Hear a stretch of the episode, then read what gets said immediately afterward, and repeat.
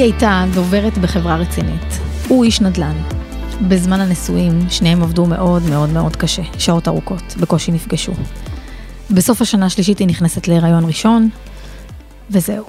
היא מחליטה, אחרי הלידה, שהיא לא חוזרת. כיף לה עם ה baby, נהנית מכל רגע, מגלה את עצמה בתור אימא. לא חולפת אה, שנה שנייה, ויש עוד תינוקת. ואז היא אומרת לו, תקשיב, לעבודה אני לא חוזרת. מבחינתי, אני רוצה להיות אימא ב-100% משרה. זה המימוש שלי. כאן אנחנו מתחילים את הנושא של מימוש עצמי מול קריירה, ואיך זה פוגש בני זוג. רק רגע, רגע, רגע. את הולכת איתי איך פוגש בני זוג, כשאני עוד בא לא להבין את האימא שבוחרת לעזוב את הקריירה. אבל מה לעשות שזאת הבחירה שלה, זה הבחירה שלה. ואנחנו לא שופטות אותה. לא, אנחנו ממש לא שופטות אותה, אבל אני פשוט חשבתי ששוב נפגשנו לדבר עליי. סתם. זה תמיד נכון. אמ, אני רוצה להקריא משהו אחר. אני רוצה להקריא טור שכתבתי באחד ימי האישה. התחלתי את חיי בהכי שכנועי, אני אשת קריירה ואני אשלם את המחיר והמשפחה שלי גם. וגם אם החלטתי שאצלי זה יהיה שונה, אני יודעת שברגע שהגעתי להיריון עבודה, נשואה טריה או ממש צעירה, כולם ייקחו בחשבון שאת עוד שנייה בהיריון. אגב, כשבעלך התיישב בהיריון עבודה, העובדה הזאת ממש לא עניינה את זה שמולו.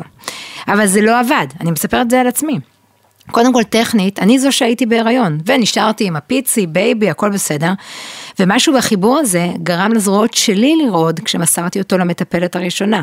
זה לא אצל כולם, אני יודעת, ועדיין, אני זו שהסתמסתי איתה שש פעמים ביום, והגיעו עוד ילדים, ועוד חיבור, ועוד קושי בפרידה, ואני מרגישה לאט לאט איך משהו בי באמת רוצה להיות יותר נוכח ומעורב. ופתאום אני, כבר לא רצה קדימה, אני רצה לצדדים. בית, עבודה, ולאט לאט ההבדל בין המשכורות הולך וגדל, וכשצריך יום חופש או מחלה, נו אז אני כבר אקח אותו, כי אני מרוויחה פחות, והוא בינתיים מתקדם ונהיה חשוב ובכיר, ויש דברים שאי אפשר לבטל, ואז את, הפעם הבאה שאני אעז לבקש העלאה במשכורת, גם היא מתרחקת, כי במילא לא נעים לי, רוב הזמן אני רק מרגישה שאני מתנצלת, שאני לא בסדר, לא נותנת מספיק שעות ולא מספיק זמינה, ומסביבי בעבודה זה גם ככה, כל הנשים מגיעות בלחץ, בשלוש אה, מקבלות את המבט, הנה נופל העט, וכל הגברים הגיעו בנחת, לא בלחץ, יוצאים מי יודע מתי. כשאני כתבתי את זה, אני דווקא הייתי מכוונת בדיוק הפוך מהדוגמה שהבאת. אני אמרתי, אין, אין, אני הולכת להיות מאלה שיספרו איך הם, חבל שהם לא היו יותר זמן ופספסו את הצעד הראשון וכאלה. ולאט לאט החיים, אני לא אגיד הכריעו אותי, כי אני אדם בוחר ועשיתי את הבחירה לאורך כל השנים, אבל כשאת מדברת על מתח בין קריירה ומימוש עצמי, אני לוקחת אותו מהמקום ההוא. כל הזמן האימהות גרמה לי להרגיש, הרבה שנים, לא כל הזמן, ש, ש, שאני מוותרת על חלק גדול בי, שהוא המימוש העצמי שלי. לי היה קשה להרגיש שהמימוש, אבל אני רוצה ש... אני מראש מכריזה, זה לא בציניות ולא בזלזול. כשאני עומדת ובוחשת בפתיתים, אין בי שום מחשבה חוץ מאיזה בזבוז זמן. קצת עם השנים זה התרכך, קצת עם השנים אני למדתי לאהוב, אפילו לאהוב את זה, אפילו קצת לחכות לזה, בטח כשפשוט עזבתי ונהייתי עצמאית וזמני היה בידי, ואז כן שמחתי לקבל את הילדים ולהיות איתם וכולי. אבל באמת, יש את המתח הזה, בין אם זה, כמו שבסיפור שלך, הבחירה שלה, ובין אם זה ההרגשה שלי שזה החיים בחרו עבורי, שמגיעים ממש תוך עשור, זה בדרך כלל די מהר, חמש, שש, שבע שנים. לאיזשהו פער, קודם כל בין בני הזוג, אולי לא אצל כולם, ודבר שני, בין ההורות הצעירה לטירוף של הקריירה. את לא איתי, את כן איתי. מה, אני איתך לגמרי. תראי, אנשים זה דבר מורכב, נשים זה דבר עוד יותר מורכב. ובאמת כל אחת עושה את הבחירה שלה. אין ספק שבבחירות האלה יש מחיר, ושתיהן משלמות מחיר. גם האישה שעזבה את הקריירה לטובת האימהות, כי היא בחרה בזה. לגמרי. משלמת מחיר. איזה מחיר היא משלמת? אני אספר לך. הרבה מחירים. עשור, 15 שנה אחרי שכבר הילדים גדלו, surprisingly יש לך, לילדים יש חיים. הם כבר לא מחכים שמישהו, הם לא רוצים שמישהו יחכה להם בשתיים עם השניצל. ואיפה היא? תקועה מאחור, בלי קריירה, בלי אפילו יכולת אולי לייצר כסף, בלי שום דבר, אין לה גם עולם, לא תגידי שיש לה איזשהו עולם שהיא יצרה בו איזשהו משהו. במקרה הטוב העולם שלה מלא בתחביבים, במקרה הרע גם זה לא. זה מהפדיקוריסטית לפילאטיס וכו' וכו' וכו'. לא משהו משמעותי שהיא עשתה. עכשיו יכול מאוד להיות שבאיזשהו שלב היא תגיד לעצמה וואו איפה הייתי? ויכול מאוד להיות שלא. זה דבר מאוד מאוד אישי. מצד שני, האישה שהיא את ובהרבה מובנים גם אני, אותה, אותו סוג שבא ואומר לעצמו, מה פתאום אני אתן הכל, מצד אחד מביאים ילדים ומגדלים אותם באהבה וכולי וכולי, ומצד שני לא מוותרים על הפן של הקריירה ועל המימוש העצמי, וגם לעשות משהו משמעותי בעולם, ללכת עם אנשים איזושהי דרך. את בפן של הסטנדאפיסטיות, ועל הצחוק ולהקלה שאת מביאה לאנשים, ואני בפן המשפטי, שלוקח אנשים מצד אחד של גדה, מעביר אותם לצד השני, בכל מיני סיטואציות הכי מורכבות של החיים בנושא של גירושין. אז דווקא בנקודות האלה, גם אנחנו משלמות מחיר.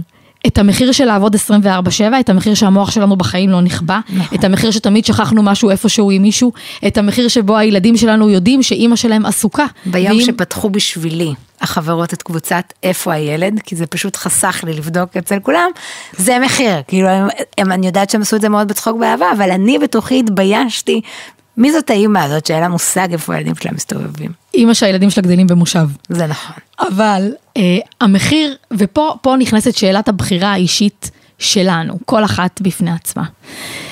ואני כל כך שמחה שאנחנו נפגשות לדבר על זה, כי לדעתי הדבר הזה, הנושא הזה, לא מספיק מדובר. מה לא מספיק מדובר בו? נקודת הזמן שבה כל אחת מאיתנו צריכה לבחור לעצמה מה היא רוצה. דקה לקחת את עצמי לשיחה איתי. איפה אני עוד חמש שנים? מה אני רוצה להיות? כל תשובה תהיה נכונה, משום שזה הרצון שלי. אבל לעשות עם עצמי את השיחה הזאת, לא להתעורר עוד כמה שנים ולהגיד, חבל, למה לא עשיתי? לי היה חלום להיות עורכת דין, מגיל מאוד צעיר. הלכתי עם החלום הזה כל הדרך, כל הדרך, והתחלתי את הלימודים בגיל מאוד, אה, מאוד צעיר, וזה גם בשנות האלפיים, גם היום עדיין, יש בזה הרבה מובנים, בהרבה מובנים, זה עולם גברי. רוב עורכי הדין, הם גברים, מה לעשות, רוב הליטיגטורים, בואי נגיד ככה, אנשים שמופיעים בבתי המשפט. ותמיד שמעתי כמה אני לא אצליח, כמה זה יהיה מאוד קשה, איך תעשי את זה עם הילדים, איך תעשי את זה עם בעל בצבא, מי את חושבת שיגדל את הילדים האלה? והתשובה שלי, קודם כל זה אני. אנחנו מגדלים את הילדים האלה. כל אחד בתורו, כל אחד במה שהוא תורם. התשובה השנייה שלי זה שזה תקופות. לא אי אפשר להשוות בין השלב שהילדים היו קטנטנים, וכמובן שהייתי צריכה להיות שם ב-3,500 אחוז, והנקה ומה שצריך, וכמובן שכשהם גדלים, אז מה ששתינו מאוד אוהבות, מיקור חוץ. מטפלת, אה, מישהי שתעזור בניקיון, מישהי שתעזור בגיהוץ, כל מה שאפשר לקנות בכסף בפן הפרקטי שלא פוגע באף אחד, וממש לא משנה, העיקר שזה נעשה. אז החיים הם תקופות, אבל באמת לדעת לברר לעצמי, כי אני יודעת עליי שאני לא הייתי יכולה לוותר על החלום הזה. בשום פנים ואופן. רק הייתי מסוגלת להגיד את זה לעצמי בעיניים בגיל צעיר ולהילחם על זה לאורך כל הדרך.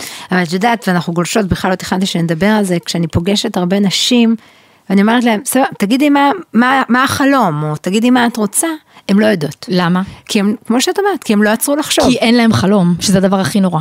אין דבר יותר נורא מזה, שבן אדם מסתובב, לא משנה כרגע אם זה גבר או אישה בכלל, תוהה לעצמו בעולם, הולך על הכדור הזה, קיבל מתנה להיות פה 70, 80, 90, ולא יודע מה הוא רוצה. אין לו שאיפה מוגדרת, אין לו חלום מוגדר. תגידי לי, זה בתהליכי בנייה? אני בחישוב מסלול? מעולה. אין לי חלום? זאת תשובה שאי אפשר לקבל אותה. אבל את לא חושבת שזה באמת בגלל כמו שבהתחלה שפשוט נשאבים. אז זהו, שלא. אתה פשוט נשאב, אתה נותן לחיים, השוטף שוטף וכל הדברים האלה, ובאמת עם הילדים הקטנים בקלות, אנחנו בקפיצות של חמש שנים קדימה. אותם חמש שנים שאת אומרת שהן כל כך קריטיות. ואיך אני אחזק את הסטודנטית עם העיניים המתות מעייפות, של החיים שלה התהפכו, מה, היא לא ידעה בכלל מה הולך להיות עם הילדים הקטנים. והקושי, והיא מנסה רק להקל על עצמה, כי החיים לא מקלים עליה בכלום. איך אני אומרת לה? תקשי על עצמך. משפט אחד. או יותר נכון, אל תוותרי. משפט אחד, eyes on the prize. אנחנו נמצאים בנקודה בתור אישה. מי שהרי... אנחנו תמיד מדברים שוויון, שוויון, שוויון, בסוף את יולדת, את מניקה, כל הגוף שלך משתנה, ההורמונים שלך משתוללים, זה לא באמת שוויון, את משלמת את המחיר הכי כבד. eyes on the prize המשמעות שלו היא שאני יש לי מטרה, נכון זה קשה, אני לא אומרת שלא, אני גם משלמת מחיר פי אלף יותר קשה, אבל זה מנוע הצמיחה שלי. ופה הפאנצ' ליין. ברגע שאני צומחת, מאושרת, משגשגת, קודם כל בעיני עצמי, יהיה לי גם את הכוח ואת הרצון לתת את המתנה הזאת של מנוע הצמיחה לבן הזוג שלי. אם אני מתוסכלת, ממורמרת, מיואשת, לא מבינה איפה החיים שלי, מה קרה לי? הייתי לפני חמש שנים מטר שמונים, שלושים ושמונה, מהממת. מלא מלא חברות. נכון, כל המשפט האחרון איבדתי אותך למחוק. למחוק. שמונים, שלושים ושמונה, אנחנו מדברים, משקל הלידה שלי היה שלושים ושמונה, כן. איפה זה? איפה זה ואיפה אני?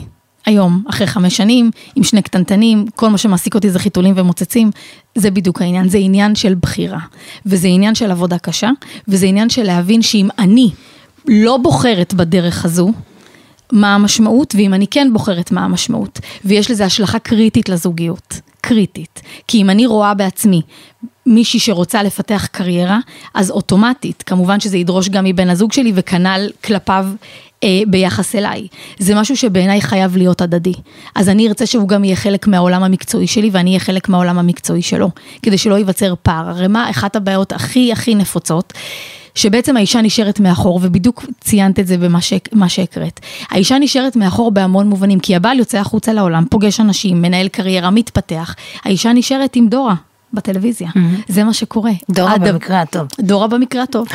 ואז הפער גדל, ואז הוא מסתכל רגע ימינה-שמאלה, הוא מבין, רגע, מי זאת האישה הזאת? על מה אני מדבר איתה? איפה הביחד שלנו? איפה תחומי העניין שלנו? אני רוצה להגיד לך שטיפלתי באנשים, בזוגות, שהבעל לא היה רוצה לקחת את האישה לאירועי חברה, כי הוא היה מתבייש ממה היא תגיד, מזה שיפנו אליה והיא לא תדע מה לדבר.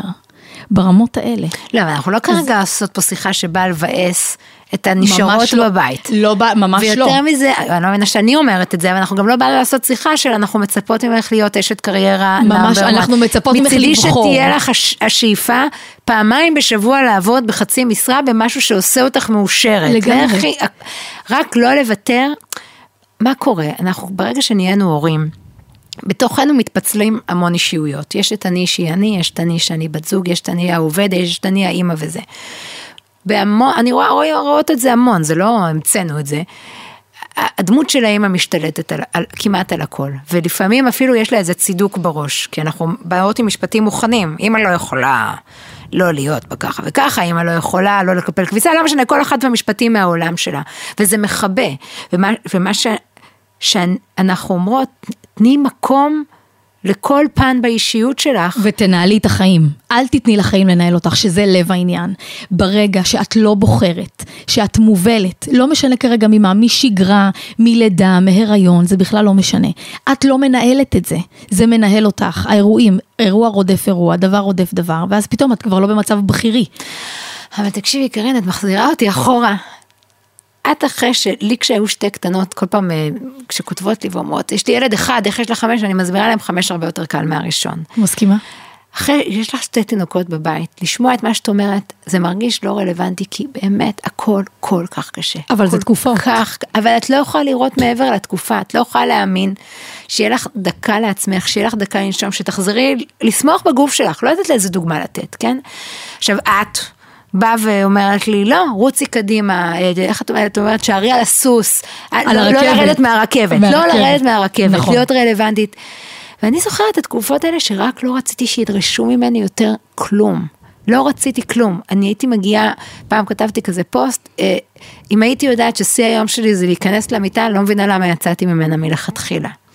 איך אני עכשיו מגיעה לאוזניים של העייפה והיפה הזאתי, ומאירה, מאירה את האש שהיא אי, שלא רק האי האימא, ואומרת לה, את, את יותר מזה, זה לא אומר ש, שהאימהות היא לא הכל והילדים שלנו זה כל החיים שלי וחיים זה שלי ברור, וזה. זה ברור. אבל יש שם, הייתה שם. איך. להעיר אותה בטוב, לא בכוח. לא, בכוח, ממש לא, אני לא מדברת במובנים של כוח, אני מדברת להפך, במובנים של אל תוותרי לעצמך על עצמך. במובנים של תביני שזה נקודתי, זה תקופה. הרי כשאנחנו מחזיקות תינוק, קשה לנו להאמין שיום אחד הילד הזה יהיה בן חמש. זה נראה לנו בלתי נתפס. אבל כשאנחנו אומרות אחת לשנייה, תקשיבי, בואי, זה עובר. לא כל החיים את לא תשני בלילה. פשוט להיות אותו גורם שבא לאותה אישה יפה ולהגיד לה, אל תוותרי, גם אם עכשיו את יורדת לחצי משרה, גם אם עכשיו את לוקחת חל"ת שנה, גם אם עכשיו את עובדת מהבית יומיים בשבוע, זה בכלל לא משנה. את לעצמך, בראש שלך, אל תוותרי. ואל תשתמשי בילדים כתירוץ. אל תגידי, טוב, לא עשיתי קריירה, לא הלכתי לעשות, לרדוף אחרי חלומותיי, לא הגשמתי את עצמי כי היו לי ילדים. הילדים זה יכול להיות מנוע. וכמובן שזה גם מגיע לזוגיות, ופה את חולקת עליי, כשאני באה ואומרת, הרבה פעמים, את מצפה לאיזה עזרה מהבעל, בגלל שלא באת, לא יצאתי ללימודים. איך אני יכולה ללכת, יש לי, הייתה לי מורה לספורט, שהיא הייתה מאחרת לשיעור, והייתה אומרת זה, עד שהוא הגיע, אמרתי לו לבוא בשש וזה זה. אני יודעת שכשאני התחלתי עם הופעות, דבר ראשון, הבאתי בייביסיטר. אני לא בא לי לחיות את החיים ב... מתי אתה חוזר, מתי אתה חוזר. אתה יודע שזה חשוב לי, אתה יודע שזה, אתה יודע שזה מפרנס אותי וזה. לא, לא, אבל זאת חוכמה לאחר מעשה, לאחר הריבים, לאחר האכזבות. איך אנחנו באמת משכנעות את זה, שזה לא, בוא תעזור לי. ש, ש, ש, הבנת מה אני שואלת? הבנתי מצוין, ואני מזכירה לך שאצלי אין פנקסים. נכון. אז כמו שאין פנקסים, אני גם לא מחכה לאף אחד. זה בגלל שאני נשואה לאיש קבע. אם הייתי מחכה לזה שבעלי יגיע הביתה, עזבי שעה, רק שיגיע, לא משנה מתי, כנראה שלא הייתי מגיעה לשום מקום. צריך להבין שאנחנו בעלות הבית על עצמנו במובן הזה של מה שלא תעשי בידייך, כנראה לא יהיה. עכשיו זאת הבנה שמאוד קשה לחלחל אותה. כי התחתנת, ואת מצפה לאיזשהו שותף הדדיות, לחיים. שותף לחיים. לא רוצה להגיד עזר כנגדו, בוא תעזור איתי, עם מי, אבל זה לא. זה לא, כי מה לעשות, שבבוקר הוא יוצא לעבודה, זה נמחק לו מהמוח, מה שעבר עליו לפני, עד שהוא חוזר בערב. כל מה שקרה באמצע מבחינתו קרה, הוא לא יודע איך, לא יודע מה, לא יודע מי, המקרר מייצר אוכל. ילדים החזירו את עצמם, לא. ילדים הביאו את עצמם לחור. ולכן זה נורא בסיסי. אני הבנתי את זה לא אחרי ריבים, כי פשוט לא היה עם מי לריב, רויטל, אלא כי פשוט ראיתי שזה לא יעזור. אני יכולה לצלצל ולא עונים כי עסוקים וכולי וכולי, אז פשוט לקחתי את גורלי בידיי, מה שנקרא. וברגע שאת מחליטה שאת לא מחכה יותר, את לא מבינה איזה יצירתית את הופכת להיות, כי את מבינה שכל הפתרונות אצלך. ואז את הופכת להיות המנהלת, המנהלת הכי טובה של עצמך, כי את גם לא מחכה ששום דבר יקרה, את גם לא תלויה בכלום. זה מאוד לא פמיניסטי ופוליטיקלי קורקט מאיתנו בכלל לנהל את השיחה הזאת, כשאנחנו כאילו יוצאות מנקודת הנחה שהבית הוא עלייך. אני כבר רואה את המאזינות שאומרות, יש לנו בית שוויוני, טטטי, טטטה, ואני גם לא מזלזלת בזה, אני שוב רוצה שנייה לנטרל את הציניות ואת העוקץ מכל דבריי. נלך כאילו אבל על הסטטיסטיקות, על הסביבה, על המקום ששתינו, לא יודעת מה, החברות שלי, נכון. החברות שלכן באות. ובסוף זה כך. טוב, עצות פרקטיות ל- ל- ל- למיקוד, בבקשה. עצות פרקטיות למיקוד. קודם כל, לא לוותר עלינו. לא לוותר זה אומר, שבי, תשאלי את עצמך, מה את רוצה? מה החלום שלך? לא משנה מה החלום, להיות בבית, להיות אם למופת, לא משנה שגם אני רואה בעצמי אם למופת למרות שאני לא בבית. חיים שלי. אבל תחשבי מה את רוצה. בחרת באיזושהי דרך של הגשמה, קריירה, חלום, איזשהו משהו לעשות, לא לוותר. גם אם זה אומר לרדת קצת בתקופה שהילדים קטנים, להבין שהחיים הם תקופות. עיקר העניין זה באמת לא לוותר, לא לצאת מהמעגל הזה לאורך זמן, כי כשיוצאים מהמעגל לאורך זמן, פתאום מגלים מיליון תירוצים למה לא לחזור אליו. כי מה לעשות שזה לא קל, זאת הדרך היותר קשה. לא לצפות שאנשים אחרים יעשו עבורך את מה שאת יכולה לעשות. בעניין הזה אנשים אחרים זה אותם בני בנות זוג. את רוצה קריירה? את תצטרכי לעבוד יותר קשה. תדאגי שמי שצריך להיות בבית יהיה, שמי שיעמיד ציר יעמיד ציר. הדברים שצריכים לקרות, תדאגי שהם יקרו. ברגע שאת תהיי שמחה ומסופקת מעצמך, אוטומטית הבית שלך יתרומם. כי אנחנו בסופו של דבר אחראיות 50% לפחות על האנרגיה בבית. ואם הקריירה שלך או המימוש העצמי שלך הופך להיות איזשהו מנוע צמיחה, גם בן הזוג שלך ירוויח מזה. וגם הילדים. טוב, וגם הילדים. נצא לעבודה. ויש לא מעט. כל האמור לעיל אינו מהווה ייעוץ משפטי או תחליף לייעוץ משפטי וכל המידע המצוי בפודקאסט משמש כמידע כללי בלבד. אין בדברים האמורים בכדי להחליף מידע הניתן על ידי עורך דין ועל הקורא או על המאזין. לפנות ולהתייעץ עם עורך דין העוסק בתחום בטרם נקיטת כל פעולה משפטית כזו או אחרת. כל המסתמך על האמור לעיל בכל דרך שהיא עושה זאת על אחריותו בלבד ואחריות לכל תוצאה ישירה או עקיפה. בשל הסתמכות על האמור או על הנשמע תחול על המשתמש בלבד.